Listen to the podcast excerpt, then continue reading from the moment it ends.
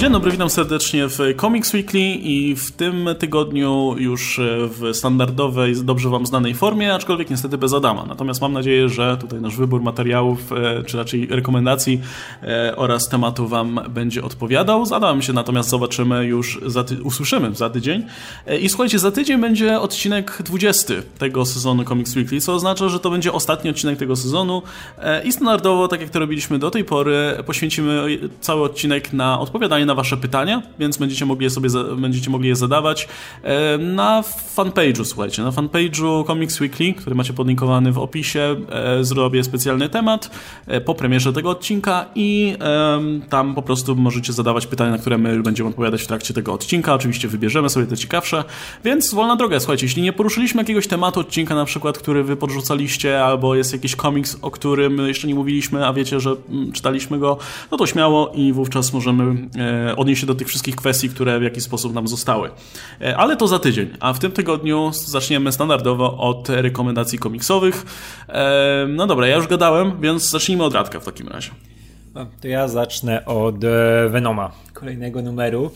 I to jest zupełnie popieprzone, co Donny Cates zrobi z tą postacią, bo nadal nie mogę wyjść z podziwu, że czytam komiks o Venomie jako pierwszy z Marvela o Venomie, o którym myślałem, że już nikt nie będzie potrafił pisać tej postaci, bo nikt nigdy za bardzo nie potrafił jej pisać. To była postać e, dosyć mocno związana ze swoimi czasami, wtedy, kiedy powstawał. Był robiony pod, w konkretnym celu, a tutaj ciągnie swoją serię, z którymi też miał przez lata, wyszło tego od cholery i zawsze był problem.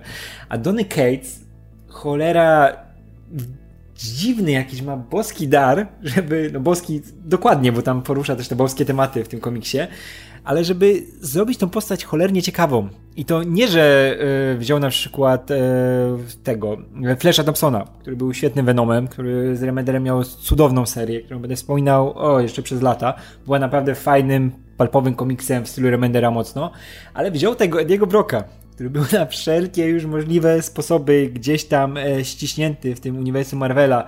Gdzieś ktoś go próbował wyciągać, robić z niego jakiegoś łowcę symbiontów, który biega z wielkimi spluwami i że tam umiera, żyje, coś tam, coś tam. A on wziął Jeszcze religijnego. Chcę dodać. Tak, tak, też było to tak, wariata i... Dokładnie. A on wziął tego Ediego Broka, połączył go znowu z Venomem i cały czas kontynuuje tą swoją świetną historię o relacji, o takiej mocnej, naprawdę wielowarstwowej relacji tego gluta z kosmosu, i tego gościa, który był już praktycznie skończony w uniwersum Marvela, a tutaj staje się kimś, z kimś strasznie łatwo się identyfikować, można go łatwo zrozumieć, tą całą jego właśnie relację, jaka, jaka jest symbiontem, który jest pełnoprawną postacią, chociaż stracił swoją świadomość e, i chociaż, to, chociaż zmienia się tutaj troszkę na tym poziomie, ale, ale no, stał się tym, tym, tym bez świadomości bytem nagle.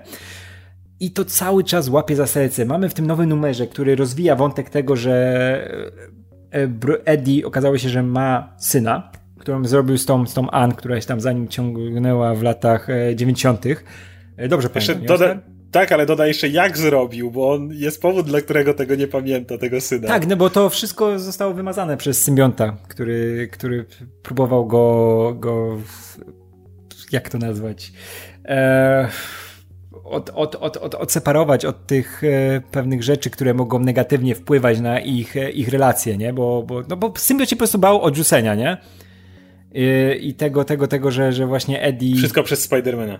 Tak, no i wszystko, zawsze jest wszystko przez Spidermana, jakby Johna Jameson się zgadza z tym, nie? I bardzo lubi ten wątek. Stary Johna Jameson, bo nowy też już jest trochę na innym poziomie działa, ale kurczę, jakie to jest emocjonalne, jak to uderza prosto w serce. Mamy w tym e, numerze scenę, gdzie symbiont e, przez, przez kurczę, ja, ja jeszcze nie byłem pewien przez e, długi, długi czas w tym komiksie, czy to jest Eddie w symbioncie, czy bo on mało mówił, coś tam, jakoś tam porozumiewał półsłówkami z, z tym dzieciakiem, ale mamy symbionta, który ratuje tego dzieciaka, oddaje go Ediemu i po prostu rusza gdzieś przy ciebie, znika w tłumie.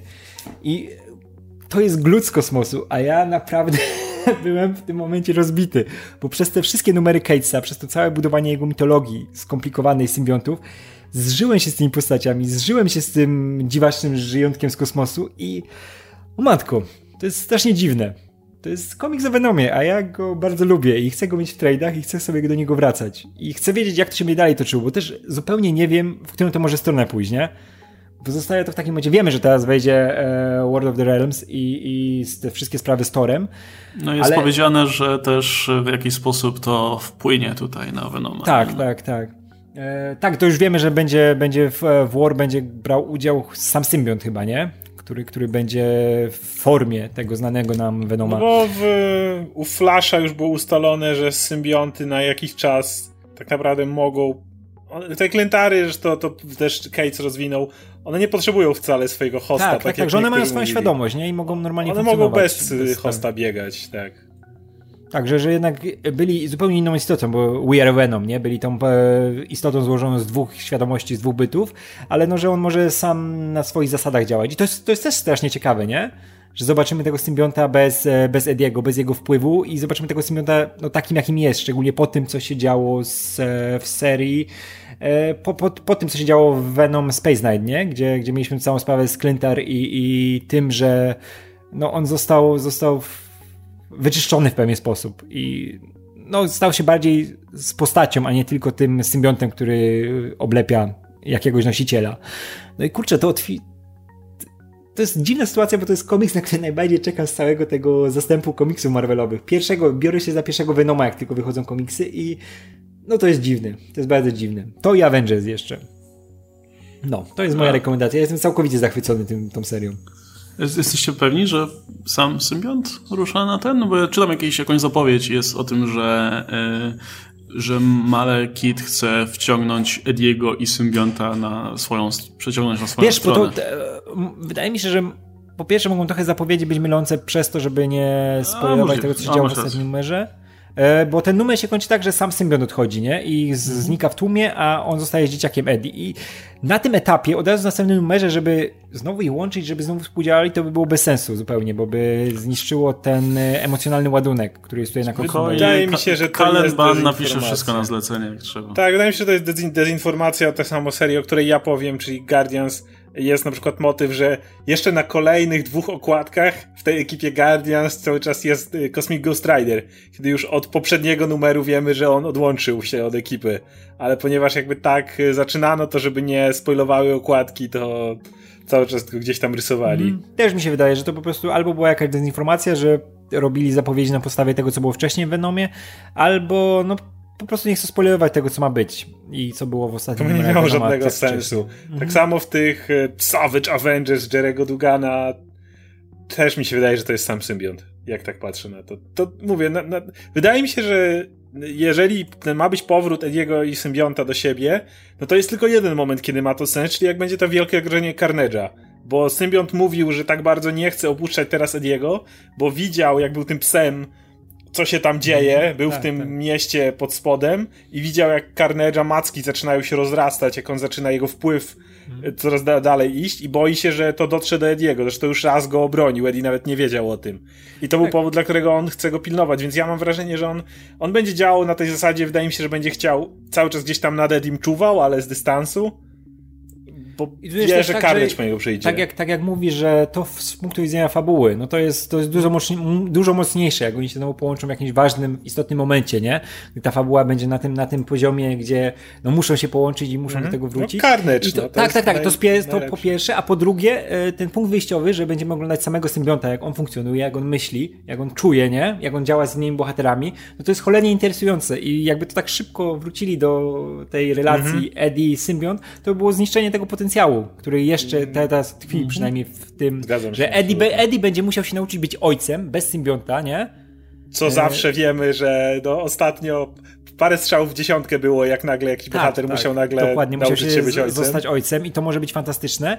A po drugie, no ja chcę tego zobaczyć samego symbionta, jaki on jest, nie? Po, tych, mm -hmm. po tych wszystkich rzeczach, które się z nim działy, bo to jest fantastyczny punkt wyjściowy.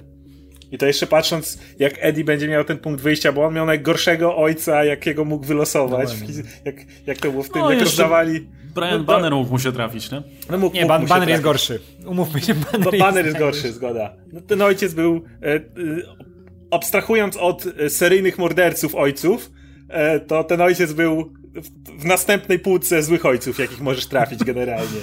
Już nad nim są tylko ci mordercy i psychopaci. To był to najgorszy typ, który myślał, że dobrze robi, nie?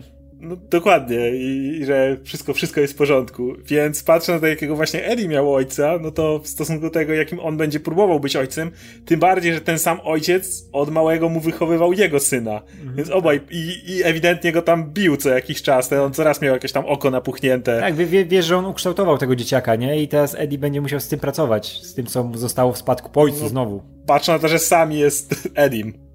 Więc no to jest tak fascynujące. Znowu Eddie Brock, kurde, jaka fascynująca postać, powiedz to dwa lata temu.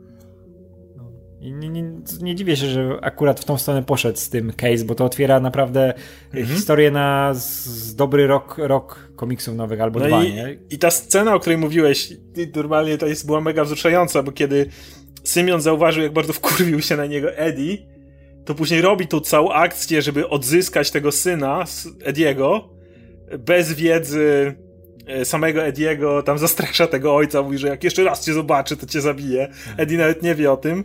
Zabiera tego dzieciaka, jakby zaprowadzi go do miejsca, gdzie tam Eddie leży nieprzytomny i mówi mu, że tak razem wam beze mnie będzie lepiej, będziecie oh, szczęśliwsi, siedzisz, po prostu serce ci tam pęka, jak na to patrzysz, bo widzisz, że on jeszcze e, słowa dopiero powoli składa, bo mu się ten ta świadomość wzrasta, no bo on miał tą lobotomię, powiedzmy, i teraz jeszcze mówi po, pojedynczymi słówkami. Ale masz ten motyw, jak on mówi, że tam razem, beze mnie wam będzie lepiej, odchodzi, myślisz, o, nie. No, ale to jest pojebana sytuacja, kurde, to jest komiks o Venomie, nie? Który nagle cię bierze na, w takim poziomie emocjonalnym atakuje, bo jest świetnie spisane i no i szczere cholernie. Dziwaczna sytuacja. Okej, okay, dobra, brzmi, brzmi naprawdę fajnie. Szczególnie, szczególnie, że to brzmi fajnie w kontekście też tego eventu, o którym mówiliśmy mm. szerzej e, tydzień temu, więc jeśli ktoś nie słuchał, to zapraszamy. E, no dobra, Oskar, namyśliłeś się już, czy... czy, tak, czy... ja dalej okay. będę przy Kate w takim razie. E, no, jest, jest kawałek Marvela, który jest mi szczególnie drogi, czyli jest to Kosmos Marvela. I z kolejnym numerem Guardians of the Galaxy coraz bardziej czuję, że to mój kosmos wraca. Ja nie czułem tego, że miałem kosmos Marvela od czasów Abneta Laninga. Tak, będzie spisał Oj, swoich Black Vortex, przepraszam, był kosmiczny. O, to, był kosmicznie chujowy. A przepraszam, był jeszcze Black Vortex, to nie, to zwracam honor. Nie, no, proszę cię, te po prostu wszystkie bendisowskie eventy były tak po łebkach pisane. Ty nie czujesz, że to jest kosmos, gdzie były te Jezu. imperia, intrygi. To miałeś wrażenie, że to jest jakieś, wiesz, zapiździowo małe, gdzie... ale to, to, jest, to jest niesamowite, jaki Black Vortex był do dupy, nie? No, proszę cię, ale, ale to wszystko czułeś po prostu, że na takim jakimś, wiesz, że te wszystkie imperia to się tam gdzieś na, na, w jakimś ogródku dzieją czyimś, nie? W ogóle nie czułeś, że tej, tej skali, że tutaj mają te wszystkie rasy, ci wszyscy herosi z kosmosu się zbierają. Nie, X-Men musieli tam polecieć, nie? Musiałeś mieć X-Men akurat w tym, w tym konkrecie. I tak, X-Men zdarzało się latać w kosmos, jasne, ale Bendis nie potrafił napisać kawałka kosmicznej historii, żeby X-Men tam nie wepchnąć. Jakby Guardiansi też mogą mieć swoje przygody, więc yy, starczy tego. Wracamy do, do, do, do tej historii i tutaj po prostu czuję tą znowu, że jakby wróciłem do domu w tych komiksach. To mnie tak bardzo cieszy. Bo masz ten pogoń, z jednej strony masz tą ekipę, która gania za Gamorą, bo boją się, że w niej Thanos swoją jaźń wsadził i będzie się w niej odradzał, co myślę, że jest ściemą i Thanos na końcu ze wszystkimi po prostu sobie tak e, no, chce, żeby wszyscy się mordowali między sobą, szukając go i, i będzie się z tego śmiał.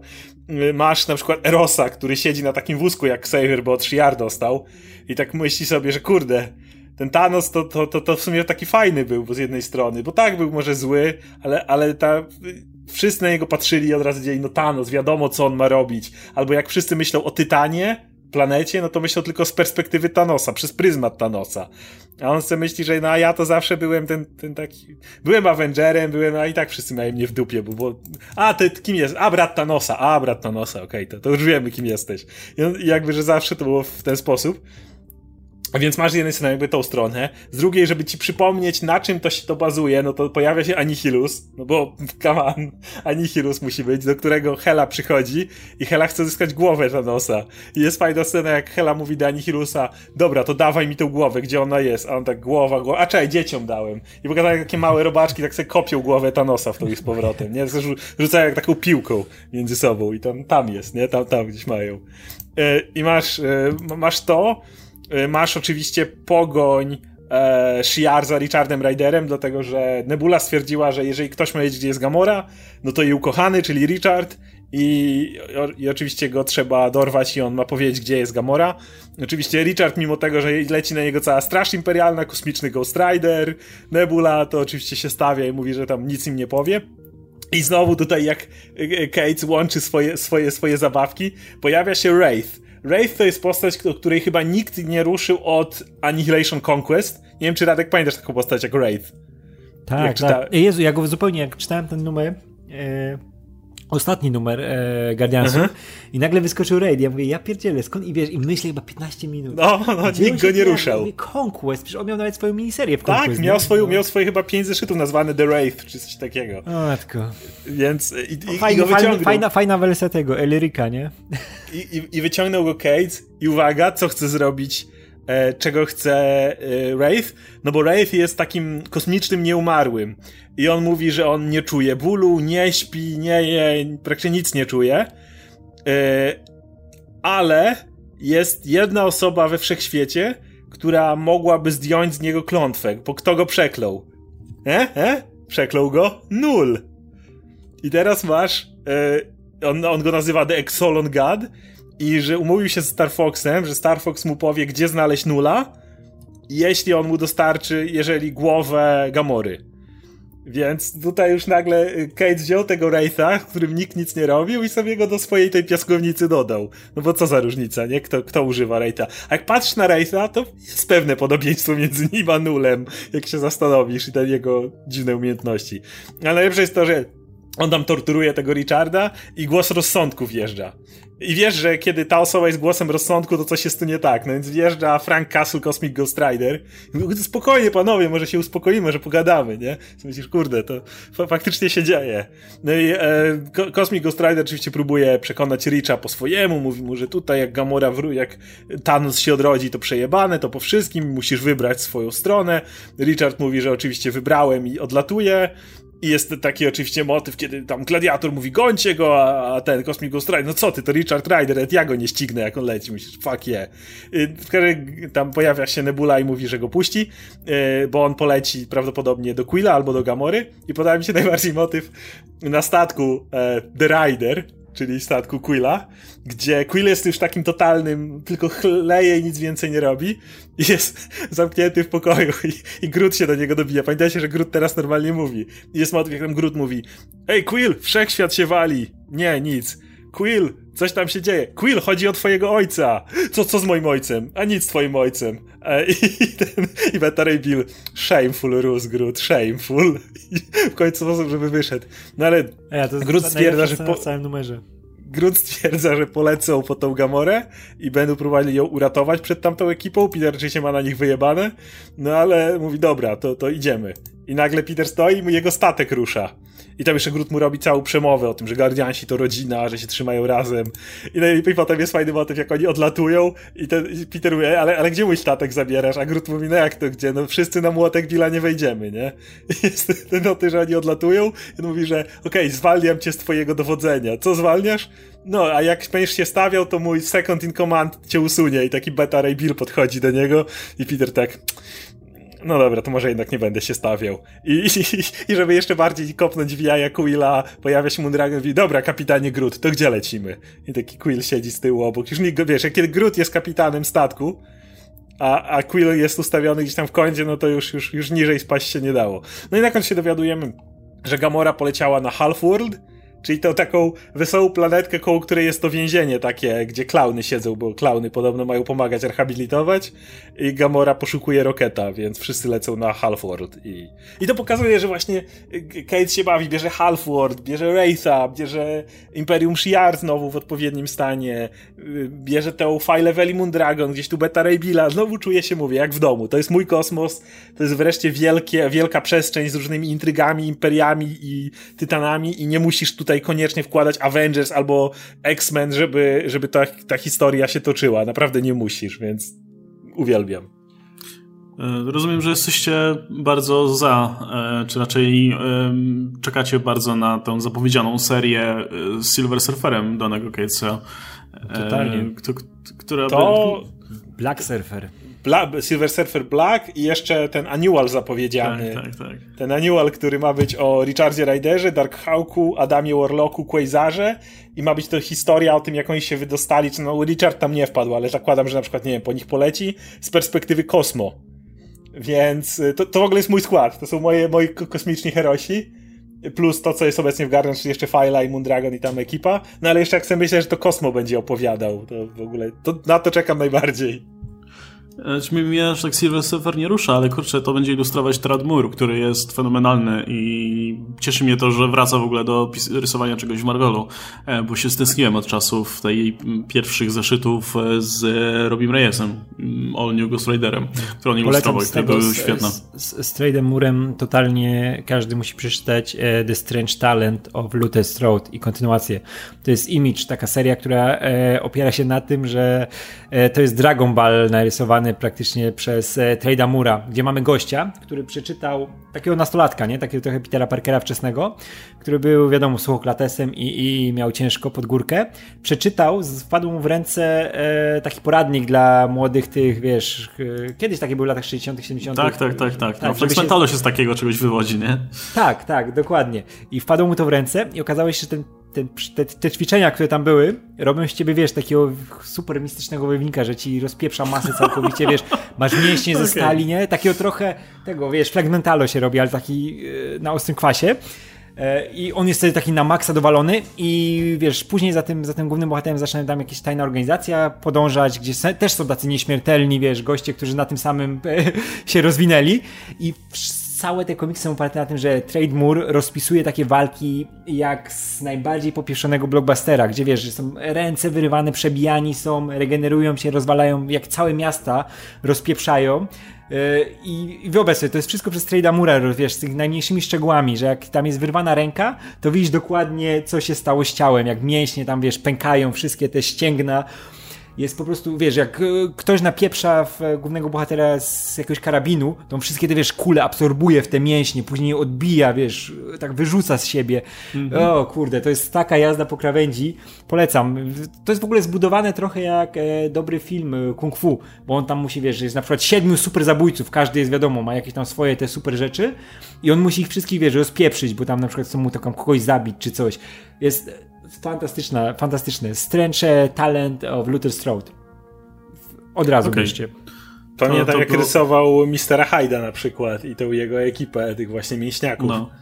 I też no. oni tam się roz, rozrywali na części, więc, więc nie, ja pamiętam, mogę wyobrazić jak to wyglądało.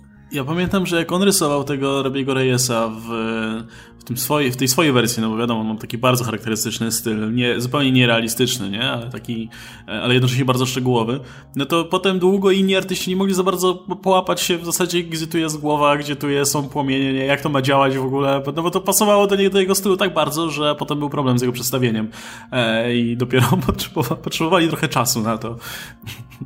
No i dobra, to ja to zrobię mały update, bo nadrobiłem wreszcie Uncanny X-Men, te zeszyciki, z, co tam Scott robi z Wolverinem. E, I żeby tam nie wnikać jakoś bardzo w to, co się tam dzieje, bo myślę, że jeszcze o tym sobie pomówimy za jakiś czas. E, no generalnie Scott zrobił wreszcie tych swoich X-Men, nie? Z tych postaci, które pozostały przy życiu i e, stworzył zespół, który obecnie ma siedzibę na tyłach baru. E, I w ogóle wszystko jest takie biedne i w ogóle tak, wiesz, to, to jest tak głupie, po prostu Scott w którymś momencie przychodzi przychodzi i mówi, dobra, to jesteśmy X-Menami, to musimy się czymś zająć, to trzeba tutaj zrobić listę i to są nasze problemy i musimy je rozwiązać. I jak Scott rozwiązuje problem Dark Beasta w tym świecie? No, wrzuca go do piwnicy. po prostu masz. Siedź tej piwnicy i tej karma będzie ci pilnować. E, i, to tyle. W ogóle super. To się na pewno skończy dobrze, nie? Wiadomo, wiadomo że jak wrzucisz Dark Beasta do piwnicy, to on będzie nam posłusznie siedział. E, no ale okej. Okay pomijając jakby tam, znaczy tak, pierwsza rzecz, która mi się bardzo podoba w tym, co do tej pory Rosenberg pisze a, propos te, tego całego e, nowego status quo, który tam nastąpił, no to to są te takie polityczne rzeczy, które się tam dzieją. Jest ten motyw, kiedy e, oni gadają z Morlockami i, e, i Chamber mówi, że no w sumie to mógłbyś nam wreszcie pomóc jakoś, nie? No bo do tej pory nie dowiozłeś, no to, te, to, to, to teraz dobry moment. No i Scott mówi, no dobra, to wam państwo, macie państwo. no i, i, i daje im. I fajnie, nie? To prawda, Morlockowie... gdzieś w górach, ale, ale jest. Ale no to jest zawsze lepsze niż kanały, nie? W, więc Morlockowie mają swoje państwo, które dał im Scott i kto wie, kiedy, kiedy im się wsparcie tutaj nie przyda. I fajnie, że wreszcie się pogodzili z Chamberem, bo ja bardzo lubię, lubię tę postać. Wolałbym, żeby on był tutaj gdzieś tam w pobliżu. No nie będzie być... teraz już, już będzie no. członkiem drużyny teraz Chamber. Odda, oddał Shogo i jara. No, ja, ja go bardzo lubię. On zawsze był taki biedny, zawsze taki skrzywdzony i smutny, no bo nie ma twarzy, znaczy nie ma dolnej części twarzy, więc... No, ale bardzo fajnie to było rozwiązane. No i przede wszystkim ta relacja Scotta z Loganem to jest złoto po prostu. I w tym momencie, jak czytam ten komiks, to myślę sobie, kurna, ten, ten, ta cała schizma, to, to schizm, który tam Aaron wymyślił w którymś momencie, to był błąd ogólnie. Jakby to dało nam fajne komiksy swego czasu, przede wszystkim po stronie Logana, ale na dłuższą metę to był błąd, bo mm, po tym jak. E, ja wiem, że dla wielu ludzi, którzy być może nie czytają komiksów, e, cały czas jest e, takie postrzeganie tej relacji na zasadzie, że Logan to jest ten fajny, cool ziomek, outsider, a Scott to jest ten wrzut na dupie, który się tam kręci cały czas i przeszkadza. Bo tak było w kreskówkach, tak było w filmach Singera, ale, ale nie. No to po, po, po tym jak panowie już nabrali szacunku do siebie, to ta relacja bardzo fajnie działa, bo to oni są. To jest taka fajna szorstka przyjaźń, nie? gdzie panowie. Oni na pewno by powiedzieli najlepsze rzeczy o sobie, ale najlepiej nie sobie nawzajem, tylko e, sobie nawzajem mogą powiedzieć, no, you did well e, i tyle. E, chociaż to też był bardzo uroczy moment w tym komiksie, jak, jak Logan powiedział, że nigdy nie był pierwszą czy liderką Scotta, ale uważał, że dawał radę, co, co myślę, że i tak było naj...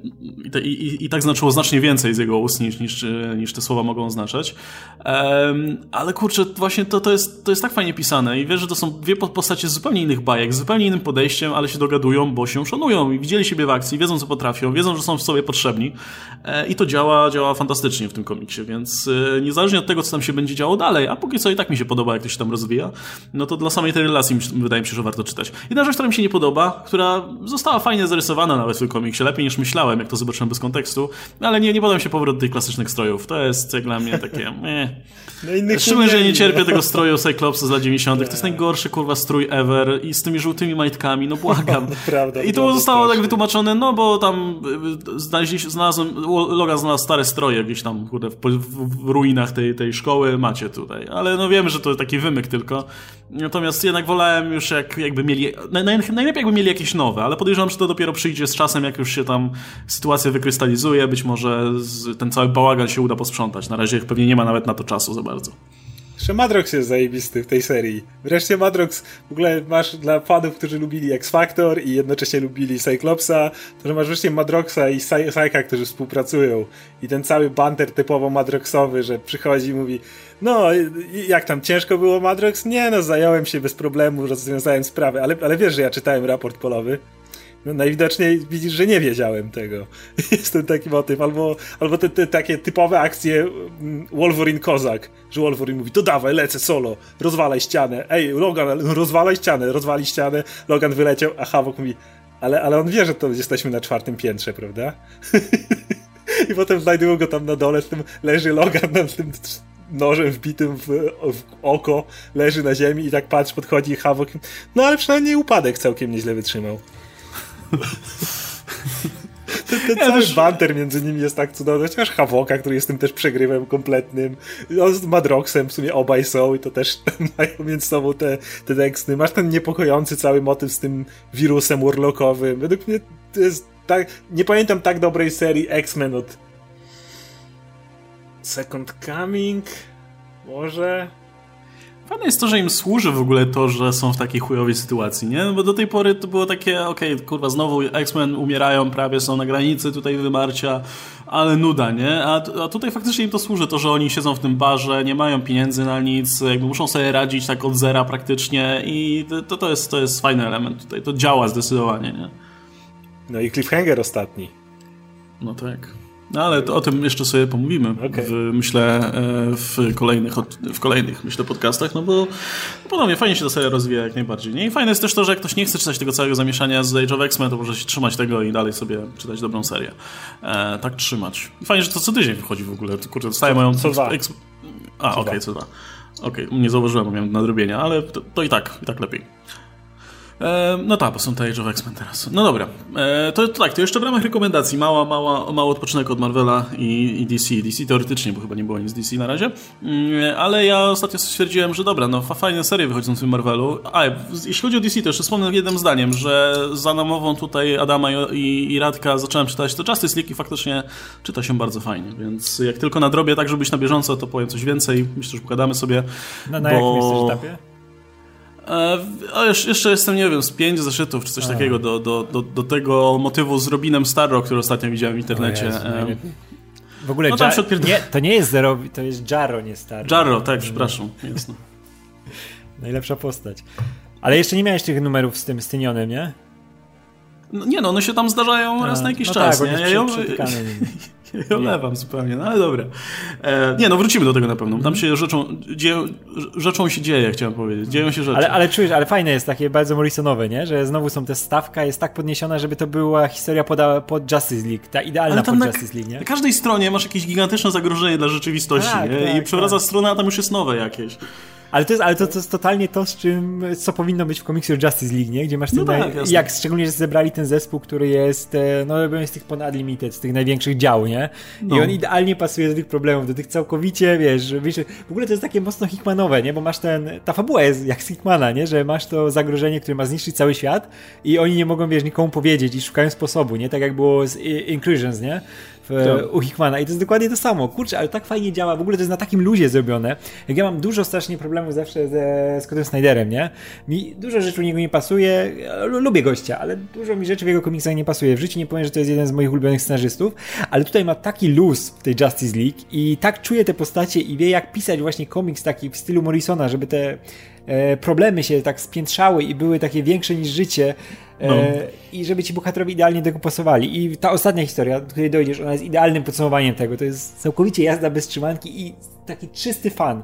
Taki wiesz, e, nie, nie że głupie czy coś, tylko po prostu dobrze się na tym bawisz, bo wiesz, że te wszystkie głupoty pasują do tych postaci i w ogóle Snyder czuje w tym momencie postacie. Ale dobra, to pogadamy jak dojdziesz do to, to ja jeszcze jedną rzecz powiedzieć, e, też pewnie komiks, o którym pogadam więcej przy okazji ale skoro jesteśmy przy DC, to czytam dalej te Wonder Twins i tylko chcę powiedzieć, że jeżeli ktoś myślał, że to będzie takie a, luźniutkie i w ogóle i po pierwszym zeszycie tam szkoła, jakieś takie heheszki, Jezu, w drugim zeszycie pojechali jakieś problemy społeczne, czy w ogóle y, przestępców powinno się wsadzać do więzienia, jakie są tego konsekwencje, czy ten system pomaga, jest jakaś taka rozmowa z Bizbojem, no to co, wsadzacie ich do więzienia? No tak, a potem kończy ich się wyrok, no i co się dzieje, jak wychodzą? No jak to, to znowu ich dorywamy? Siedzisz taki, Jezu. Albo jest taki motyw, że jest w ogóle wampir, którego biorą do jakiejś tam pomniejszej ligi przestępców i on jest jakiś baron, coś nazywany, ale na niego Drancula mówią i on tego nienawidzi i, mu, i go wszyscy biorą tylko, żeby wiadomo, pił krew, a on nie chce. On, I on taki jest, że go jakby życie zmusza. I to jest tak też, czytasz to i tak czytasz, że widzisz, że gość już by chciał wyjść na prosto, ale nie może, bo go ciągle życie zmusza. I jak tam go wsadzają, wiesz, wsadzają go do więzienia, to akurat nie mają gdzie osadzać, to go wsadzają razem z ludźmi na wytrzeźwiałkę i wszystkich pije i potem sam ma. W ogóle takie tam rzeczy się dzieją teraz. Nie no wiesz, to pisze ten typ od Flintstonów i tego Snagglepusa, także wiesz, jak się tam spodziewałeś luźnych tematów, to nie, to, to, to będzie skopać, nie? Z buta to, to, ta, tak porządnie. Tak, to, to, to już nie jest pierwszy zeszyt, ale gadam o nim przy innej okazji, bo, bo się dzieje. No właśnie, e, no dobra, słuchajcie, to DC, Marvel i tak dalej, no to, to fajnie sobie poczytać, ale ja od czasu do czasu muszę wrócić do, do moich komiksów z Archim e, i szczególnie, że teraz jest okazja, no bo mm, e, od jakiegoś czasu, od jakichś czterech czy pięciu zeszytów tą serię główną, która po tym jak dostała jedynkę, kiedy się nią zajmował Mark Waid i zaczął ją robić właśnie Waid, te pierwsze zeszyty też Fiona Staples ilustrowała, wtedy dostała jedynkę, no ale teraz wrócili do oryginalnej numeracji, tak jak to w Marvelu ostatnio też się zdarzyło. I zeszyt 700 to był taki zeszyt celebrujący, powiedzmy, tutaj i kończący, e, kończący w ogóle całą tą akcję. Nie, przepraszam, 699 był taki celebrujący. No i 700 to jest pierwszy zeszyt, kiedy za serię zabrał się Nick Spencer, no i zaczyna ten swój run, który e, jest całkiem okej, okay, jakby przyznam szczerze, że całkiem spoko się to czyta. To jest tak, że po, po, po tym, co się działo wcześniej w komiksach, jest przerwa wakacyjna, wszyscy wyjeżdżają, tylko nie Archie, potem jak wracają, to się okazuje, że Archie ma e, romans z Sabriną, ale nikomu o tym nie mówią, więc całe miasto się zastanawia, co do cholery się dzieje, e, więc typowe rzeczy, które się tam zwykle w Riverdale odwalają. Od, od, od I pisane jest to ok, no, tak całkiem sympatycznie, aczkolwiek brakuje mi takiego mm, polotu, który, który Wade potrafił tam e, wnieść. E, nie ma tego takiego fajnego podziału na te krótkie takie mm, rozdziały, powiedzmy, które miały troszkę nawiązywać do tych klasycznych krótkich historii z Archim. E, I jest dużo mniej humoru. To jest takie dużo bardziej obyczajowe, a mniej, mniej komediowe w tym wydaniu. Natomiast jest bardzo też ładnie zilustrowane i no póki co wygląda to fajnie. Natomiast bardzo mnie cieszy, że teraz od piątego albo szóstego, od chyba за. Razem z, razem z Nickiem Spencerem będzie to pisać Mariko Tamaki, która myślę, że y, trochę lepiej będzie, myślę, łapać tutaj y, klimaty komiksu dla młodych ludzi niż, niż Nick Spencer, który ma rękę oczywiście do pisania scenariuszy i ma, ma y, fajne poczucie humoru, ale póki co mam wrażenie, że w tym Archie aż tak tego nie demonstruje. E, no ale nie, że nie był jakoś niezadowolony. Natomiast stwierdziłem, że no dobra, to jak przeczytałem te parę zeszytów Archiego, nie będę końca zadowolony, to sprawdzę jeszcze jakąś serię.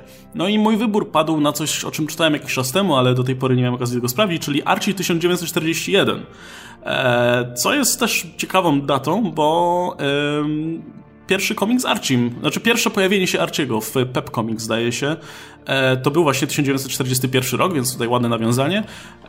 Zresztą jest w tym komiksie parę innych fajnych takich nawiązań dla ludzi, którzy, którzy czytali trochę historii Archiego, bo na przykład e, generalnie Archie jako komiks był tworzony jako coś, co ma się spodobać fanom bardzo, bardzo wówczas e, popularnego serialu o Endym Hardim, którego grał Mickey Rooney.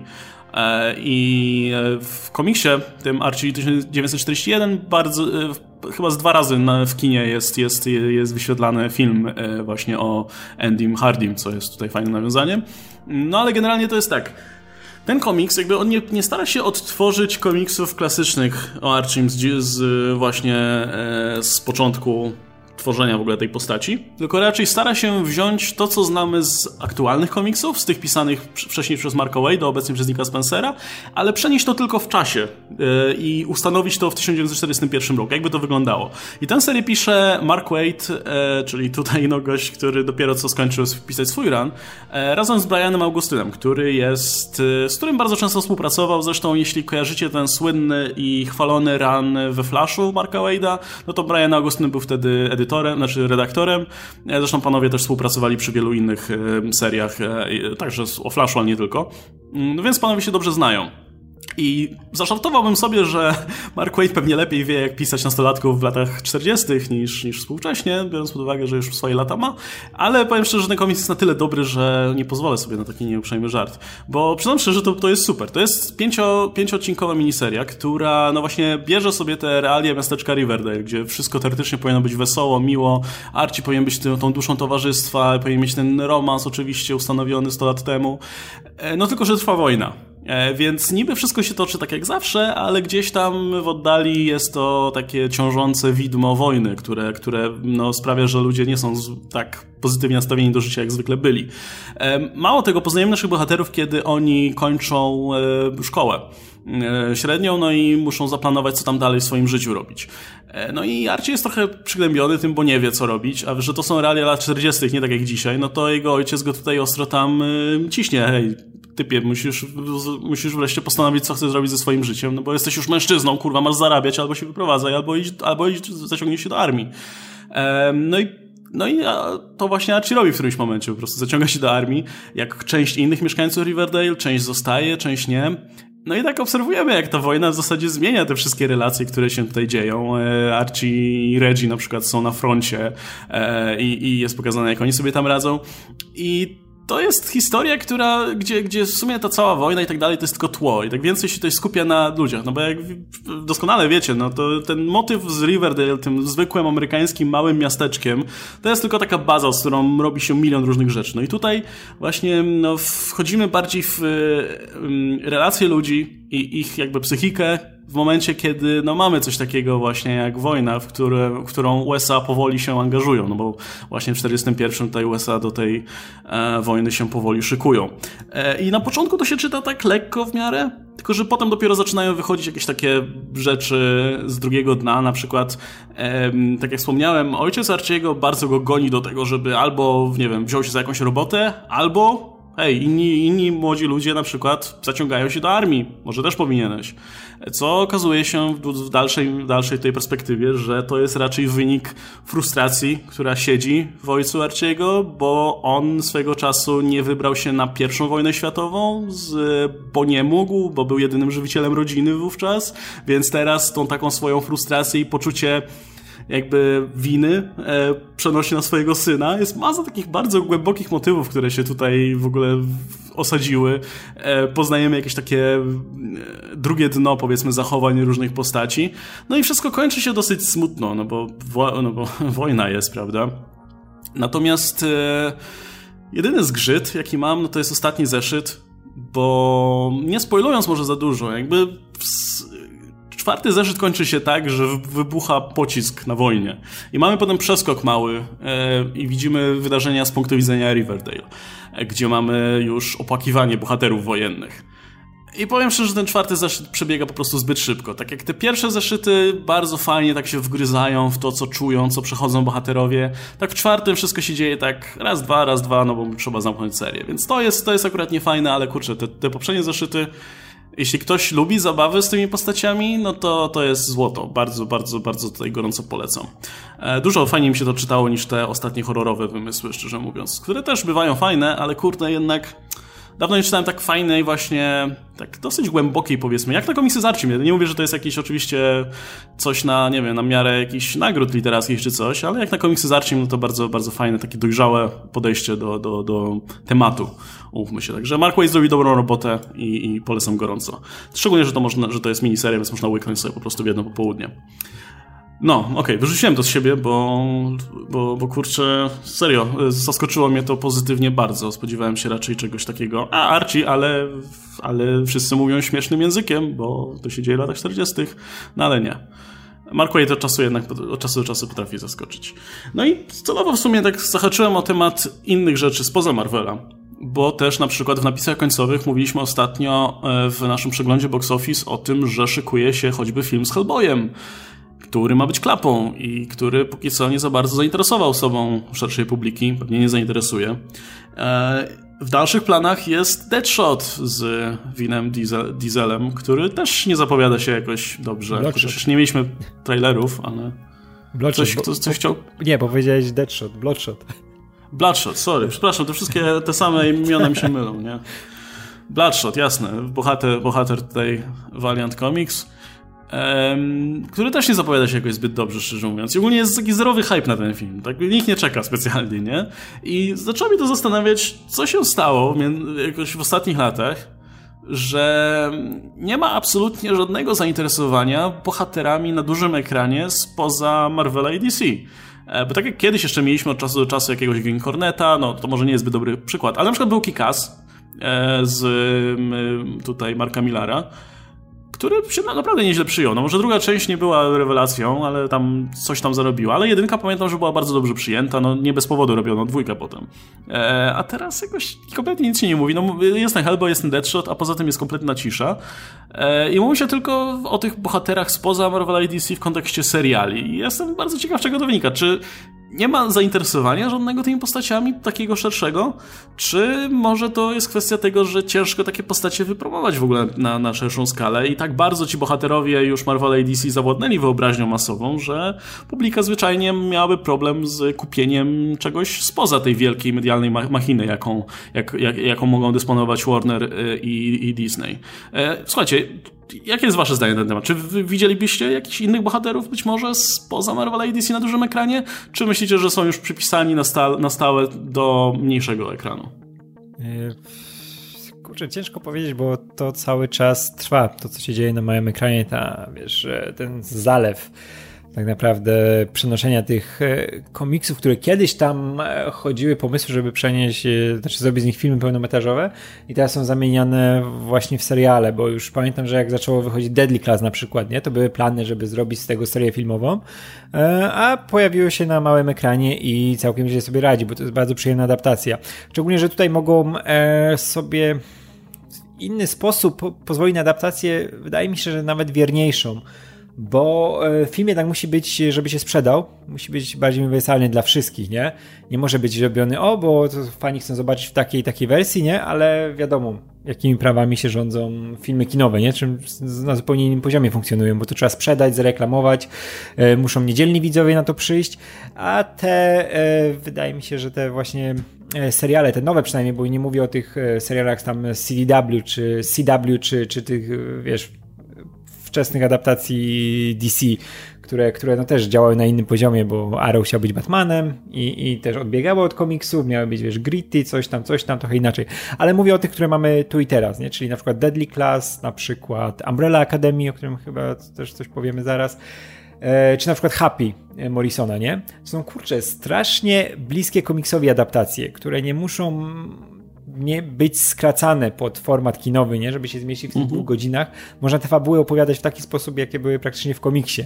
Że to mnie e, uwiodło w Happy, który jest praktycznie dokładnie przeniesieniem tego, co było w komiksie. Może sobie pozwolić na te wszystkie Morrisonowe zagrywki, które w kinie mogły odrzucić widza, jakby to było, wiesz, reklamowane jako adaptacja komiksu, czy coś takiego. By miał strasznie trudno, żeby sobie znaleźć swoje miejsce w kinie ten film. On by się za cholernie sprzedał jako film Happy.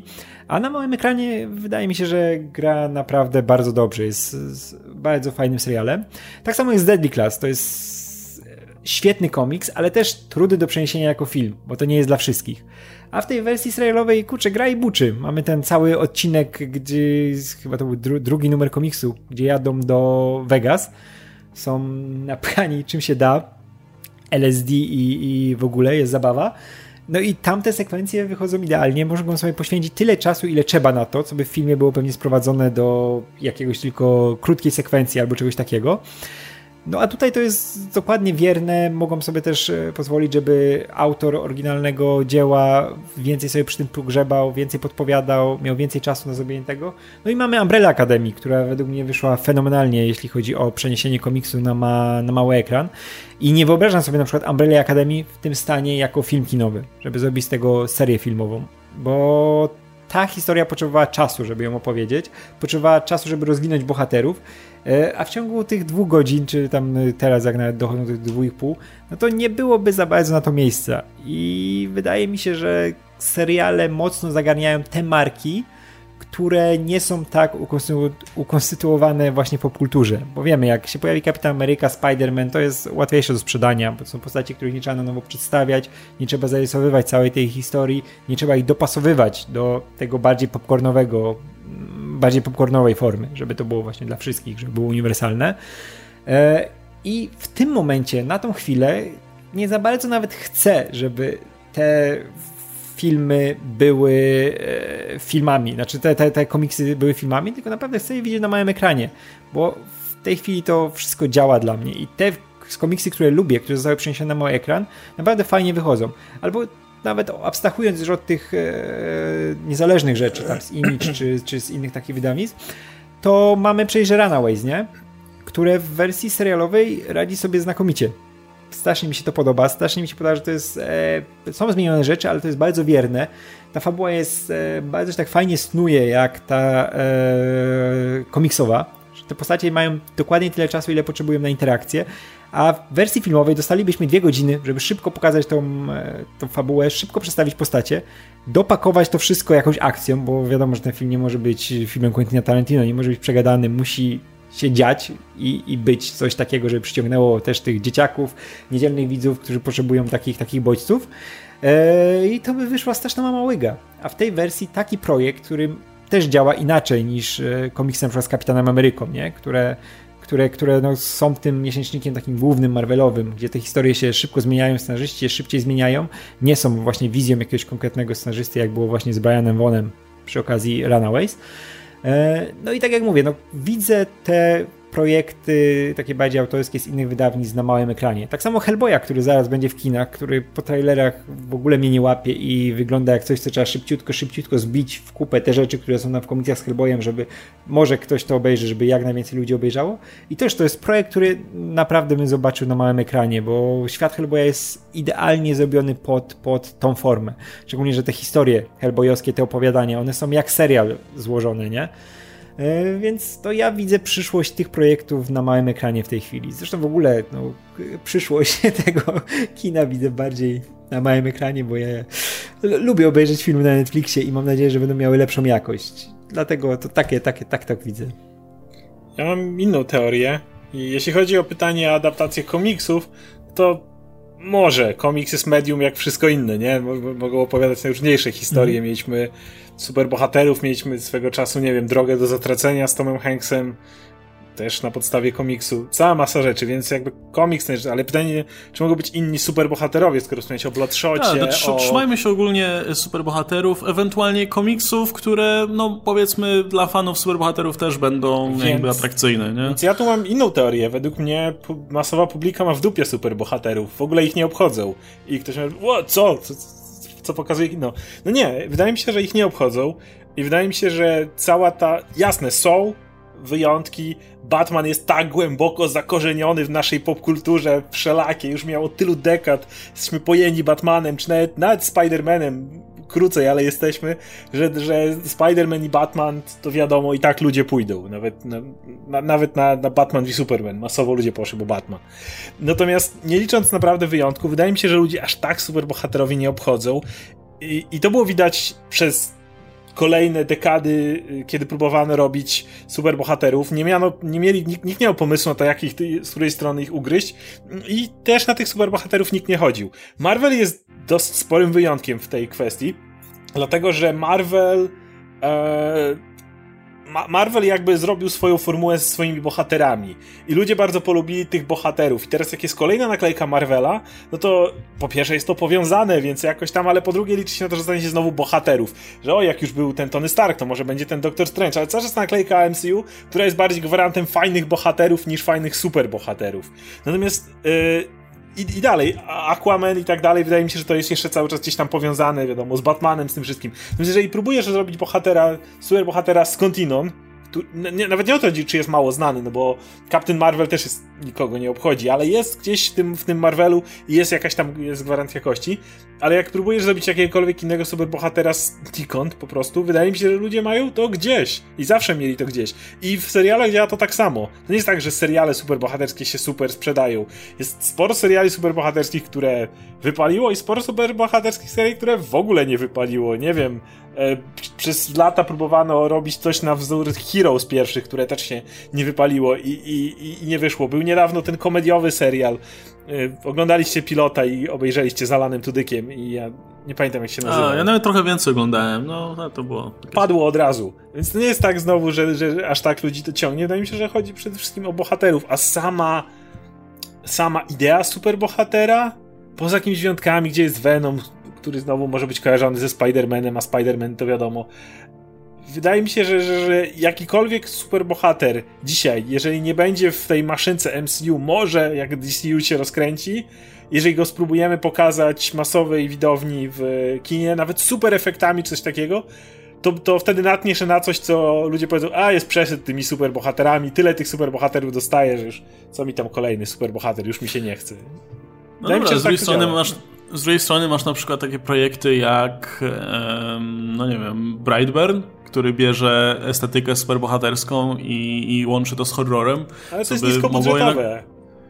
No ale ej, no wiesz, no nie wszystkie te filmy będą miały no. jakieś naprawdę duże budżety, nie? E, mimo wszystko, no wiesz, wciąż jest to film, który bazuje jednak na tym, że w jakiś sposób te filmy, nawet jeśli, jeśli sukcesem Marvela nie są superbohaterowie, ale bohaterowie, to jednak jakoś mocno widzów z estetyką ogólnie superbohaterów, czy formułą, e, no, oswoił, nie? To jest jeszcze horror, który może trafić w specyficzną horrorową niszę, które horrory, filmy, które kosztują mało i zarabiają mało, ale w porównaniu do budżetu zarabiają dużo, zwykle. Więc jakby Brightburn tu może jeszcze swoje ugrać. Natomiast gdybyś zrobił taki normalny film, powiedzmy w stylu filmów Marvela, czy w stylu filmów innych i wprowadził też takiego nowego bohatera, nie wiem, super, super ktokolwiek, to, to, to według mnie by nie zadziałało. Tak samo na przykład uwielbiam Invincible, będzie miał animowany serial, w życiu nie wierzę, że Invincible poradziłby sobie na dużym ekranie. Można by zrobić super całą sagę z tym bohaterem, 50 filmów, ile chcesz, uważam, że to by za cholerę nie przeszło, bo ludzie by stwierdzili, że kompletnie mają gdzieś Invincible i, i kolejnych superbohaterów. Mówię, jest z jednej strony, mówi się, że jest yy, przesyt superbohaterów, inni mówią, że nie jest. Jak patrzysz na box office, to możesz stwierdzić, że nie jest, ale według mnie nigdy nie, jakby, to nie jest tak, że jest przesyt na, na superbohaterów, czy był jakiś wielki hype na superbohaterów. To się wiąże z bardzo konkretną grupą, konkretnym stylem, konkretną yy, nawet nie wiem, uniwersum superbohaterów i poza jakimiś, mówię, Venomami e, czy, czy Aquamanami, które też w jakiś sposób w te uniwersa się tam zaplątują mniej lub bardziej, to nie jest tak, żeby kiedykolwiek był, był faktycznie na hype i znowu skoro nie ma aż takiego hype'u, to i według mnie też nie ma aż takiego przesytu, bo, bo nie wiem, był jakiś Hancock swego czasu, próbowano z różnymi tego typu rzeczami w kinie, ale to nigdy nie, nie, nie były super hity. No nie wiem, ja nie, nie, nie jestem pewien, czy, czy tutaj się zgodzę. Wydaje mi się, że nawet jeśli faktycznie um, jakby siła uniwersum Marvela chociażby jest budowana na, na czymś innym, to jednak wiesz, za każdym razem jak, jak e, dany pomysł odniesie sukces, natychmiast pojawiają się naśladowcy, którzy choćby powierzchownie naśladują to, co, to, co zrobił ktoś, kto odniósł sukces. E, I jakby buduje się pewien wizerunek tych filmów, buduje się pewne, budują się od razu jakieś charakterystyczne elementy, które jakby tworzą, wiesz, wizerunek tych filmów. Więc... A to dlaczego nikt nie próbuje poza Marvelem i DC jakby ruszać tych bohaterów, nie? Wydawałoby się, że skoro jest taki sukces, to w takim razie ktoś powinien spróbować inny i, i zrobić nie wiem, czy, czy, czy, czy o Spon będzie za, za śmieszne pieniądze zrobiony i też nie wierzę w tego Spona. Chodzi o to, że czemu nikt nie rusza innych, czemu nie masz nowego superbohatera, czemu nie masz superbohatera z y, jakichś innych wydawnic, bo jakby rozpoznawalność już Guardiansi, Ant-Man czy Captain Marvel udowodnili, że rozpoznawalność popkulturowa bohatera nie jest tutaj na pewno tym czynnikiem, to nie o to chodzi. Więc dlaczego nie, nie ma innych to, to, wszystko? To, to, było, to było moje pierwotne pytanie właśnie, nie? W sensie, czemu, czemu, czemu, e, czemu studia nie poszły za ciosem, nie? E, I jasne tutaj jakby to jest two, two, twoja odpowiedź na, na, na to pytanie, ale wiesz, wydaje mi się, że to też może mieć związek zwyczajnie z tym, że wiesz, jednak jakby nie patrzeć, to, to w momencie, kiedy startujesz z czymś kompletnie nowym, czymś takim jak wystartował Fox z X-Men, czy jak Marvel z Iron Manem, jest jakby, wiesz, podejrzewam, że trzeba mieć jednak backing duży i zarówno finansowy, jak i kreatywny. E, jednak za, za X-Men stali, stali, ludzie, którzy jakby czuli ten materiał. E, stało za tym studio, które miało pieniądze odpowiednie. E, wygląda, a z tego co widzę, po tych wszystkich e, filmach, które są na razie gdzieś tam w planach, no bo wiesz, wspominaliśmy o tym wielokrotnie, że um, większość tych, tych konkurencyjnych dla Marvela i DC marek superbohaterskich została wykupiona i faktycznie jak tak patrzę sobie na liście rzeczy, które są gdzieś tam w planach, no to tu jest dosłownie wszystko. Jest od, jest e, remake Green Horneta, jest jakiś Invincible, jest jakiś Irredeemable Marka Wade'a, jest ten hack, ten taki Marka Millara powiedzmy, no, przetworzenie też mitu tutaj Supermana. Jest Youngblood gdzieś, ktoś wykupił prawa do Youngblood. Nie, nie wiemy, kto ma Leifeldowe, bo wiadomo, że on był dogadany z Netflixem bodajże, ale potem ich drogi się rozeszły, ale już Leifeld mówił, że ktoś inny z kimś się mhm. dogadał jego, jego... W każdym razie te wszystkie własności tutaj są, ale to nie, wiesz, nie widać e, zaangażowania wytwórni w ogóle w to. Jakby to nie są projekty, w które, które te wytwórnie by mierzyły. Nawet myślę, na, nawet, nawet wiesz, zakładając, że kurczę, przydałoby się, nie wiem, innym wytwórniom niż Warner i, i Marvel posiadanie takiej marki w portfolio, nie? E, I z jakiegoś powodu nie chcą w ogóle w to inwestować. Ale może to jeszcze jest kwestia trochę przesyconego rynku? W sensie nie chodzi o to, że ludzie mają dość superbohaterów, chodzi o to, ile superbohaterów zniosą w roku. To trochę tak jak rynek gier komputerowych, gdzie od czasu do czasu wybuchają nowe style gier, jak była na przykład MOBA i pojawiło się League of Legends, Dota 2 i potem cała masa studiów próbowała jeszcze do tego torciku trochę sobie ukroić i już nie bardzo było tam miejsce dla nich. Czy potem było Battle Royale, gdzie było PUBG czy Fortnite i znowu cała masa firm próbowała robić swoje Battle Royale tam ostatnio jakiś Apex się wcisnął, ale generalnie znowu to były już bardzo małe kawałeczki tortu i nie wiem, czy to nie działa na tych samych zasadach. Póki Marvel kroi dwa filmy rocznie do trzech, jeżeli Sony działa, teraz cholera wie jak będzie z Foxem, yy, póki DC kroi jeden do dwóch filmów rocznie, no to czy jest miejsce na jeszcze jakichś superbohaterów? Wydaje mi się, że po prostu studia boją się inwestować takie pieniądze, bo właśnie może po prostu nie być dla nich miejsca. I znowu, jeżeli yy, jeżeli myślisz, że nawet kto, ktoś, ktoś by jednak już spróbował do tej pory, gdyby to się, gdyby była szansa, że to się opłaci. Ale jednak, kurde, od tego Ironmana pierwszego, jeżeli popatrzysz, to poza Marvelem i DC, czy by naprawdę jakieś, nie wiem, może chyba, że Power Rangers liczysz jako, jako próbę, no to okej. Okay. Ale to już jest trochę sięganie dalej, bo to idzie bardziej w Super Senta i, i tą stylistykę niż, niż faktycznie super bohaterską.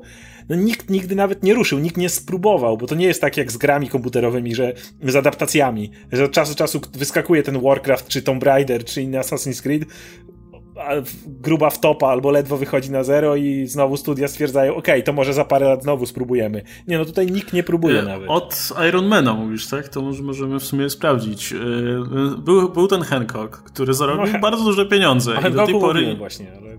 Tak, no wspominałeś o tym, ale też warto dodać, że ten film zarobił 600 milionów na całym świecie. To, jest, to są bardzo duże pieniądze, nie? Szczególnie na 2008 rok. Eee, i do tej pory nie ma sequelu żadnego, nie? Ani studio nie poszło za ciosem. E, no był tam ten Hellboy drugi oczywiście, który tutaj niezbyt mu się powiodło. Był Spirit, który, no tutaj im mniej powiemy, tym lepiej. E, był w ogóle ten taki, to, to już Spirit jest trochę już późniejszym, nie? Ale też w latach 90 był ten motyw nagle, że hej, mamy tych palpowych bohaterów, to ich zróbmy, nie? Ale, wiesz, że Spirit by też nie powstał z inicjatywy studia, to był po prostu Frank Miller chciał film, Frank Miller miał, był, był powiązany tam przy pierwszym Sin City i tak dalej i po prostu studio chciało mieć dobrą relację z Frankiem Millerem i mu dali robić film. Wiesz dobrze, ten film by nie powstał, studio samo by o niego nie zabiegało. Więc... E, był, e, no był ten super Jamesa Gunna, ale to trudno mówić o adaptacji, to było takie bardziej co in, zupełnie co innego.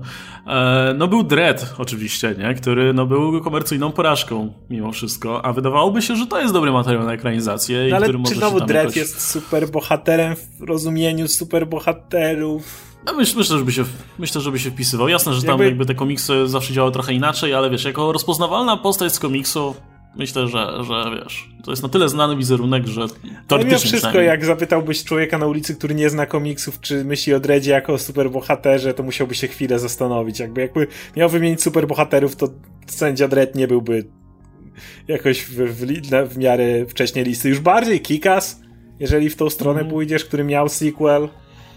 No, miałem wspomnieć teraz o Kikasie. No, to, to, to by był chyba największy sukces ogólnie spoza, poza tych. E, no ale dobra, no no ale masz te takie marki, które teoretycznie wydają się zaraz za Marvelem i DC pokroju, szczególnie, jeśli, szczególnie e, a propos już wspomnianego filmu. Jest ten Hellboy na przykład i jest na przykład, nie wiem, no, no jest jeszcze Spawn, jest to, jest, jest właśnie Invincible, jest, nie wiem co tam jeszcze. Um, czy coś, coś jeszcze pominąłem? No ale nawet, wiesz, nawet te marki, nikt, nikt nie próbuje nic z nimi zrobić, poza, wiesz, Sedem McFarlane'em, który sam w piwnicy tam robi ten Todem. film. E, to jest, tak, Todem McFarlane'em, który teraz w piwnicy robi ten film sam, e, za z, pieniądze z, z Jamie Foxxem. Z Jamie Foxxem i Jeremy Rennerem. No i teraz jest ten Hellboy, który widać, że wytwórnia ma zero po prostu zainteresowania i rzuciło tam jakieś ochłapy i zróbcie sobie ten film, whatever. E, jest milion zapowiedzianych, z które większość tych projektów też nie rusza się zupełnie. Nie? Jakby mówi się tylko o tym, że o, ktoś wykupił prawa, ale nikt, nikt nie rusza z tym do przodu. Więc, no więc nikt nie chce. I wydaje mi się, że no to wynika pewnie z finansów, nie? Jakby mimo wszystko film superbohaterski zakłada jednak zaangażowania jakichś relatywnie sporych środków w taki film, bez gwarancji, że to się faktycznie zwróci, nie? Co jest ciekawe, bo podobnie w takim powszechnym postrzeganiu no superbohaterowie się sprzedają jak świeże bułeczki cokolwiek, czego, czegokolwiek byś nie zrobił, superbohaterem powinno się sprzedać. Okazuje się, że wręcz przeciwnie. Nie? Jakby projekty, które nie mają wsparcia em, projekty, które nie są częścią bardzo popularnych franczyz, raczej wręcz przeciwnie, nie, nie okazują się sukcesami. Poza tym Kikasem i Hancockiem, który ponownie nikt nawet nie chciał sequelu tego, e, jeśli chodzi o Hancocka, no to cisza, nie? Nie, nie, ma, nie ma tutaj w ogóle zainteresowania żadnego i te filmy się kompletnie nie sprzedają. Ale to mógłbyś pójść nawet dalej, powiedzieć, że to jest, tyczy się wszystkich blockbusterów. jakby, jakie, przypomnij jak wiele blockbusterów za grube pieniądze powstaje, bo mówimy, że to muszą być grube pieniądze, jak wiele blockbusterów wychodzi rocznie, które faktycznie można powiedzieć, że no, niezłe pieniądze przyniosły, pomijając animację oczywiście Pixara czy coś I takiego. Myślę, że trzeba by też pominąć Ready Player One, nie? No bo to jechało na barkach tylu marek, że... Radek, jak myślisz? O co chodzi? Nie wiem. No nie, serio, nie wiem. Przysłuchuję się wam, bo, bo mówicie mądrze bardzo. I kurczę. Nie wiem, z czego to wynika. Ej, rok, temu było, rok temu było The Meg, które jest oryginalną marką. I, no i wiesz, widzisz, zarobiło niezłe no, pieniądze. No, zarobiło niezłe pieniądze, ale ale czy to nie ma wpływu na nic tak naprawdę? To, to, to, tak samo jak wszystkie filmy z The Rockiem, nie? To, no, tak, tak do, dokładnie. Staj, no, tak jak... rok na jednym wózku jadą, nie? To, zresztą zaraz będą w jednym wie, samochodzie. Wiesz, no to nie, no nie, to nie jak, są... chcesz, jak chcesz oryginalności, no to tylko animacje. Tam masz nowe marki, które regularnie się pojawiają i zarabiają nikt pieniądze. nie inwestuje w obecnie od, od takiego prawdziwego wybuchu superbohaterów. Nie mówię od 2008, bo to się zaczynało, ale już gdzieś po pierwszych Avengers, gdzieś dalej, już coraz mniej się zaczęło inwestować w blockbustery, bo Wiesz, one ludzie, padały jedne po drugim. Ludzie jednak lubią bezpieczeństwo. I jak coś jest nowego, to tak jakby wiesz, jakby ich miał zaatakować i, i cholera wie co. E, możesz przypisać do tych, wiesz, do tych nowych marek, tak jak mówicie o Mac, czy, czy o filmach z The Rockiem, właśnie twarz, która, która sprzeda ten film i wiesz, że ludzie pójdą na ten film, bo, bo, bo, bo wiesz, e, pysk Statama jest przyklejony do tego, czy, czy piękna facjata The Rocka. I wtedy wiesz, to będzie, to też będzie jeden strzał i nie zrobisz z tego serii ani, ani nic takiego i też nawet jak się sprzeda, to kurczę, zapomnisz o tym po, po miesiącu, dwóch. Yy, I to są takie te, tego typu filmy. Kurczę, nie wiem, nie wiem czemu, czemu, czemu, czemu tak to wygląda i kurczę, przecież jest tylu utalentowanych twórców, którym mogliby zrobić filmy. Czemu to się nie sprzedaje? Wydaje mi się, że jest problem z promocją dużą. Popatrzcie na, na y, mamy szybkich ściekłych, już kolejną część, który, która jest ciągnięta i to oczywiście się sprzedaje świetnie ale już że tak, na Blade Runnera poszło grubu, gruba kasy, nie było wiadomo jak to wypromować, mi się bardzo Blade Runner podobał, ale promocja tego filmu ni cholery do niedzielnego widza nie trafiała. No nie było szans, żeby ten film e, w ten sposób promując, żeby on zarobił. No, ja, na jakie filmy nie popatrzysz właściwie z tych albo oryginalne, albo takie właśnie jak Blade Runner, które gdzieś tam no, no to jest sequel, ale filmu, którego nikt nie pamięta z znaczy nie, że nikt, ale cała masa, kolejne, nie wiem, dwa pokolenia nie pamiętają. Wiesz, masz też, masz to i masz też, tutaj czas też gra dużą rolę, bo w tej chwili mamy taką intensywność w e, produkowaniu nowych filmów właśnie na licencjach, kontynuacje, te światy współdzielone i to, co już znamy, żeby więcej, żeby szybciej e, i po prostu studia, wiesz, w takich wypadkach, jak mamy nowego Spidermana, nowy film Marvela, nowych Szybkich Wściekłych, wszystkie te kontynuacje, wszystkie te aktorskie wersje Disneya, to wiesz, oni szybko marketingowcy wyjmują te sprawdzone, wiesz, worek schematów, worek gotowych reklam, które tylko wystarczy przerobić szybciutko, szybciutko i wcisnąć to, co już było, nie? E, a jednak te nowe twory potrzebują, wiesz, solidnej kampanii, żeby od razu zarysować, o co chodzi w tym projekcie, jakie tam są twarze do tego przypisane, jak to wszystko ma działać, a wiesz, zanim oni to zrobią, zanim to zaplanują, to już miliard innych filmów będzie, które w tym czasie będą zabierały czas ten promocyjny i uwagę widza, nie? E, I no kurczę, nie było jeszcze takiego momentu, żeby aż taka intensywność było, wiesz, w wypuszczaniu nowych blockbusterów, w tych e, takim natężeniu tych światów współdzielonych, no bo to, co się w tej chwili dzieje, już na samej linii tylko Marvela i DC, nie? To są e, weźmy tylko Marvela, DC i tam Disneya z tym swoim odnogą Gwiezdnych Wojen, nie? Mamy takie natężenie filmów, takie natężenie kampanii reklamowej, że po prostu wszystko inne szczególnie te nowe projekty, które trzeba, wiesz, w jakiś kompetentny sposób przedstawić, są po prostu zaduszone w zarodku. I e, wydaje mi się, że tutaj duża, duży problem tego leży, czemu te nowe wszystkie projekty nie wypalają, no bo nie mogą nawet głowy wystawić spod tego nawału. Je, jedyne, co mi przychodzi do głowy, to był ten chwilowy boom na Young Adult, kiedy Igrzyska Śmierci robiły, y, tam wokół były te jeszcze post-zmierzchowe momenty, już te ostatnie części to jeszcze zahaczały okres superhero. Um, co, co tam jeszcze było z, z, takich naprawdę dużych marek? No był ten cały więzień labiryntu, czy jak to się nazywało. To wszystkie, ta niezgodna, to, to też, wiesz, poparzona. To, to, to, to jeszcze wszystko było za, za, za, jakieś tam pieniądze robione i jakoś miało miejsce, ale jak ten trend na Young Adult zdechł, no to już, e, już, już jakby nie, nie sobie żadnego absolutnie filmu, który nie byłby jakąś taką, jak wiecie, Jurassic World czy coś takiego, który byłby oryginalny, ale nawet niech będzie, że jest adaptacją. Niech będzie adaptacją komiksu, o której teraz mówimy, czy adaptacją książki, który byłby zrobiony za duże pieniądze i zarobiłby duże pieniądze, który byłby no, nową adaptacją książki. Wiecie, czegoś, a nie, a nie remake'iem, czy czymś takim, czy, czy sequelem, jak Jurassic World. Nie, nie, ma. I, I, wydaje mi się, że właśnie dlatego też nie będzie miejsca na in, innych superbohaterów, za cholerę. A z drugiej strony, tak jak Radek mówi, na małym ekranie radzą sobie bardzo dobrze jasne, są, są chybienia i są jak najbardziej strzały w dziesiątkę, ale z drugiej strony, y, znowu wracając do tego, z kolei Łukasz, ty powiedziałeś, y, budżet jest dużo mniejszy, ryzyko jest dużo mniejsze. Ja, mi się na przykład bardzo podoba Kleszcz nowy. E, to jest, bawi, ja bawię się na tym serialu doskonale, ale widzę, że on jest robiony za naprawdę pieniądze takie, że efekty są tam często umowne i musisz trochę przymknąć oko, ale no bawię się na tym świetnie. Wspomnieliśmy Umbrella Academy. Wyszło rewelacyjnie. Runaways według mnie też jest super. Więc no ewidentnie ludzie są w stanie w serialu dużo więcej wybaczyć. Jak oglądają, nie wiem, który serial, sezon Flasha, w którym będzie zaraz się bił, czy już się bił, nie wiem, nie śledzę na bieżąco, wielki goryl z wielkim rekinem, będą się nawalać. Wiadomo, że te efekty specjalne będą takie jak to we Flashu są efekty specjalne i pewnie cały budżet pójdzie na, na ten jeden odcinek. Ale, ale no ludzie są w stanie więcej wybaczyć i, i, i mają mniejsze, wydaje mi się, wymagania w serialu.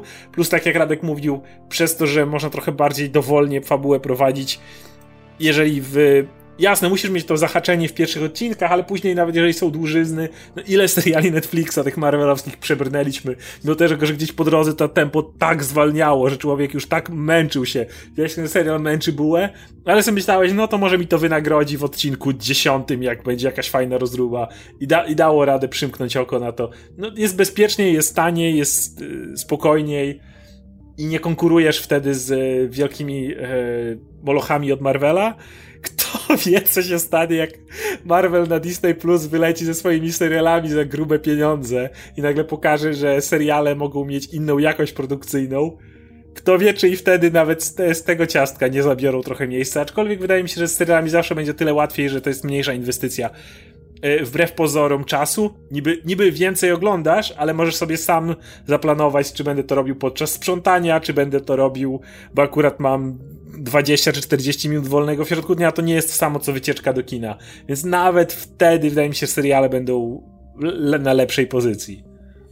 Czy ja tak słucham was i wydaje mi się, że e, wziąłbym po części z waszych argumentów i bym to, bym użył tego do jeszcze, żeby, żeby wyprowadzić z tego jeszcze jeden argument. Wydaje mi się, że zwyczajnie nie ma miejsca na te filmy, po prostu jakby, i nie tylko na rynku, ale też świadomości ludzi. E, jeśli, tutaj mówię tylko o rynku kinowym oczywiście, e, w kontekście filmów z ewentualnymi bohaterami. Wydaje mi się, że, Mar że przede wszystkim Marvel, DC oczywiście też, no bo i bohaterowie DC są też obecni w kulturze od tak dawna, że, że, nie, że no zawsze będą to miejsce zajmować, ale wydaje mi się, że, że Marvel i DC na tyle się tutaj łokciami roz, rozepchały w tej takiej kulturowej świadomości ludzi, że w tym momencie zwyczajnie już nie ma miejsca na nic innego, bo cokolwiek by się nie pojawiło, to będzie dużo mniej atrakcyjne, przez to, że nie będzie można szukać powiązań, nie będzie można tego połączyć z innymi bohaterami, e, nie będzie, wiesz, nie będzie to częścią właśnie uniwersum, tak jak wspominałeś wcześniej. E, I to nie wynika, wydaje mi się, że to nie wynika nawet do końca z tego, że po prostu ludzi nie, ch nie chcą innych bohaterów, bohaterów, tylko że już nawet nie ma za bardzo zasobów ani, ani sensu udowadniać ludziom, że może jednak chcecie zobaczyć Invincible, no bo czy jakikolwiek inny, no bo wiemy doskonale, że wiele tych superbohaterskich komiksów, które nie, nie, nie są Marvel albo DC, są, są równie dobre albo nawet lepsze niż to, co wypuszczają duże wydawnictwa, więc kto wie, czy nie stałyby się też bazą dla równie dobrych czy lepszych filmów, tylko że właśnie po pierwsze, wytwórnie nie chcą ryzykować tak dużych pieniędzy, żeby konkurować z filmami Marvela i DC, nie, ma, nie, nie chcą wykładać takich pieniędzy jak tamte, bo tutaj mowa o kompletnie nowych postaciach, które mogą się przyjąć, mogą się nie przyjąć. A z drugiej strony też yy, wydaje mi się, że Marvel i DC zagarnęli praktycznie każdy skrawek, yy, jeśli chodzi już o tego rodzaju filmy. No bo po co ktoś ma iść na Hellboya albo, albo na coś w tym stylu, jak zaraz będzie miał Morbiusa na przykład, nie? I będzie miał podobne klimaty na przykład. Albo ma Venoma z mackami i, i tak dalej. E, a pewnie jeszcze będzie tego jeszcze więcej, nie? Po co ma iść na, nie wiem, Spona, kiedy na przykład się pojawi w międzyczasie coś jeszcze w tym stylu.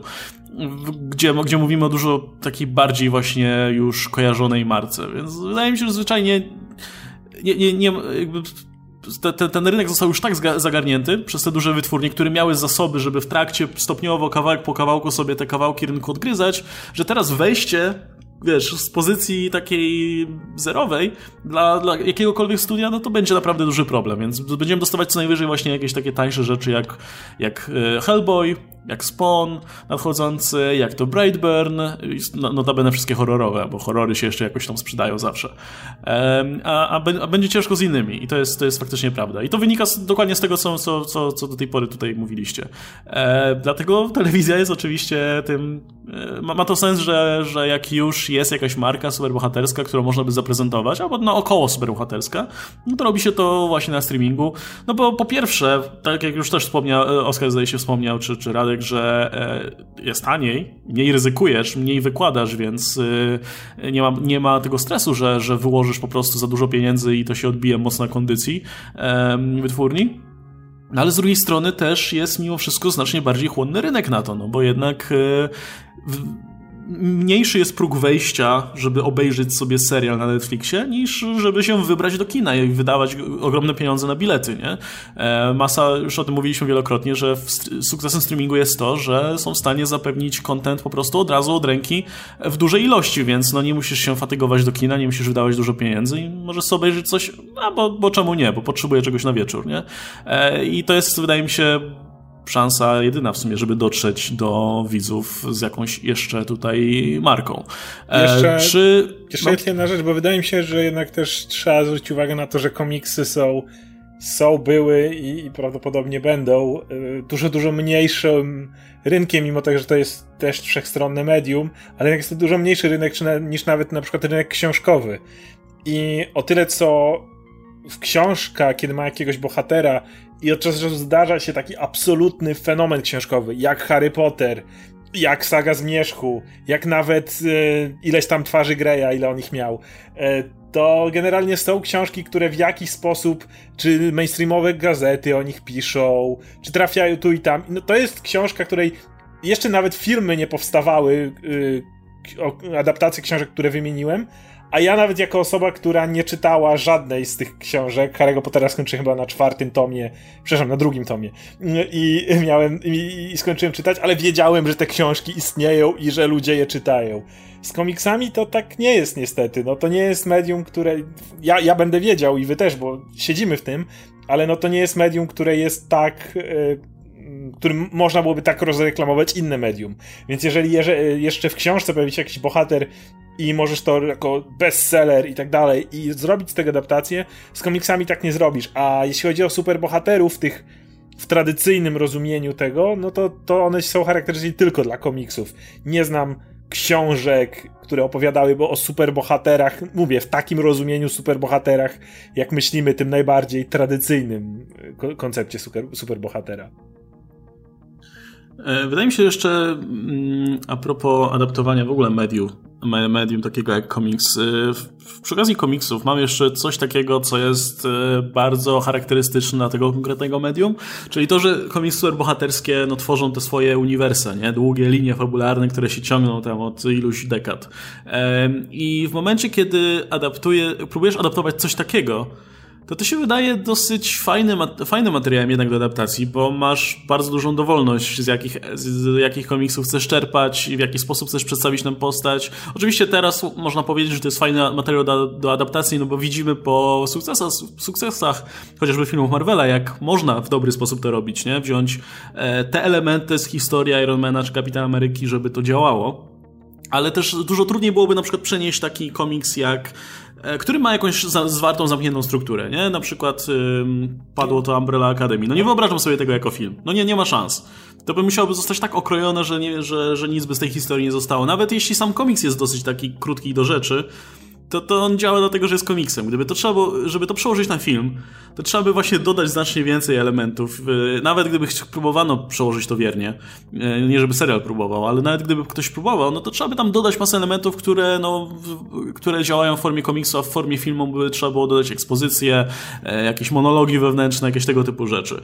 E, I też, no jednak wiele tych historii spoza Marvel ADC to są jednak konkretne, spójne historie, nie? które musisz przełożyć po prostu w taki bardzo mm, w taki sposób, żeby obciąć część rzeczy, żeby to się zmieściło w formie filmu. W przypadku adaptowania tych bohaterów, którzy są częścią jakiegoś wielkiego uniwersum, no to możesz sobie zaadaptować genezę, ale co potem, no to w zasadzie jest duża dowolność już, już w rękach scenarzystów. Czy widzicie w ogóle jeszcze mm, jakąś postać, albo jakiś komiks, ale nie, nawet niekoniecznie superbohaterski, ale taki powiedzmy, no wiecie, z pogranicza science fiction, y, fantazy i tak dalej, wiecie, takie klimaty, które mogłyby się przyjąć tutaj wśród fanów superbohaterów, który powinien dostać adaptację, jeśli nie filmową, to serialową? Czy, czy myślicie, że jest e, jakaś pozycja, która działałaby według was albo jako film, ale najpewniej jako, jako serial? Znaczy ja bardzo żałuję tego, jak, jak był stworzony Preacher, bo odpadłem z tego serialu bardzo szybko. Wydaje mi się, że to nawet mogło powstać jako film robiony w stylu Quentina Tarantino. Natomiast e, wydaje mi się, że saga jest tak. To, to był przecież. Mi się w końcu znudził ten komiks e, Briana K. Który ten komiks w końcu wyskoczyłem, gdzieś tam on chyba jeszcze cały czas wychodzi. Czy robił sobie przerwę od niego, już nie pamiętam. Ale kurde, to był, to był, to był na rynku komiksowym spory fenomen, jeśli chodzi o. Mm, e, to, to Eisner zbierało raz za razem. Tam co roku saga dostawała za serię kontynuowaną. Jako serial? Spokojnie, spokojnie widzę, żeby, że mogliby zrobić sagę jako serial. Netflix by zrobił tego odpowiednią reklamę, wielkie love story w kosmosie z jakimiś postaciami, które mają rogi czy skrzydła, czy coś takiego. Myślę, że właśnie jako taka Netflixowa historia na spokojnie saga, saga by spokojnie mogła robić furorę. Filmowo nie, według mnie ja filmowo się trzymam tego, co mówiłem. Nie widzę, żeby cokolwiek mogło robić furorę filmową, więc jakby filmowa adaptacja to będzie poziom hard, e, poziom, poziom normal, no to jest serialowa w takim razie. Radek, twoja propozycja. Więc e, mówię tak, e, ja bym chciał zobaczyć filmowo też, tak jak Oskar, nie chciałbym za bardzo tych rzeczy, które chcę, to bym nie chciał widzieć filmowo, tylko właśnie serialowo i zobaczyłbym Y, będzie Y, już, już są aktorzy obsadzeni. Tak, tak, tak, wiem, więc czekam, bo to jest, to jest gotowy scenariusz na serial, który nie trzeba dużo kasy w to mm. ładować, a to jest naprawdę super fabuła.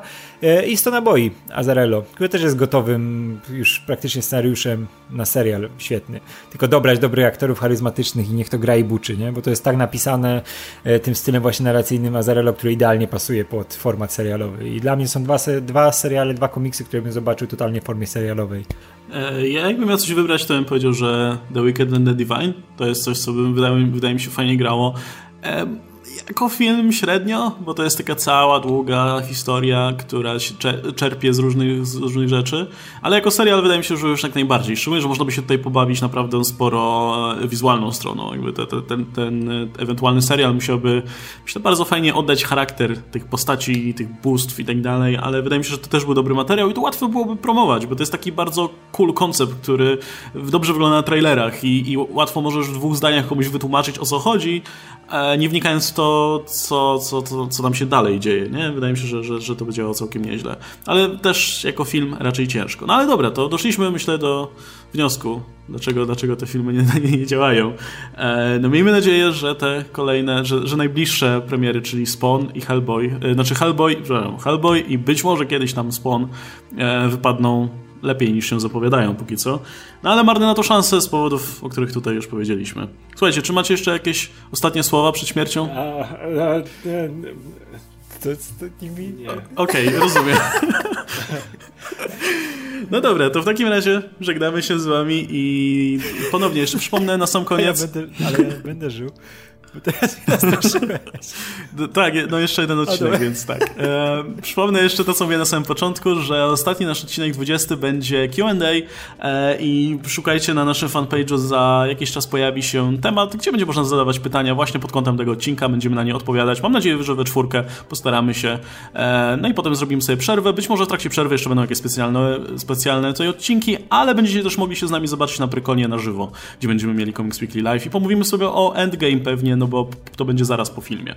E, więc będziemy już mówić o filmach z sukcesami tym razem. No dobra, słuchajcie, był ze mną Radek Pisula, Oskar Rogowski, ja się nazywam Gastelmach. Dzięki wielkie chłopaki za udział i widzimy się w kolejnym, słyszymy Do się w kolejnym Comics Weekly. Hej!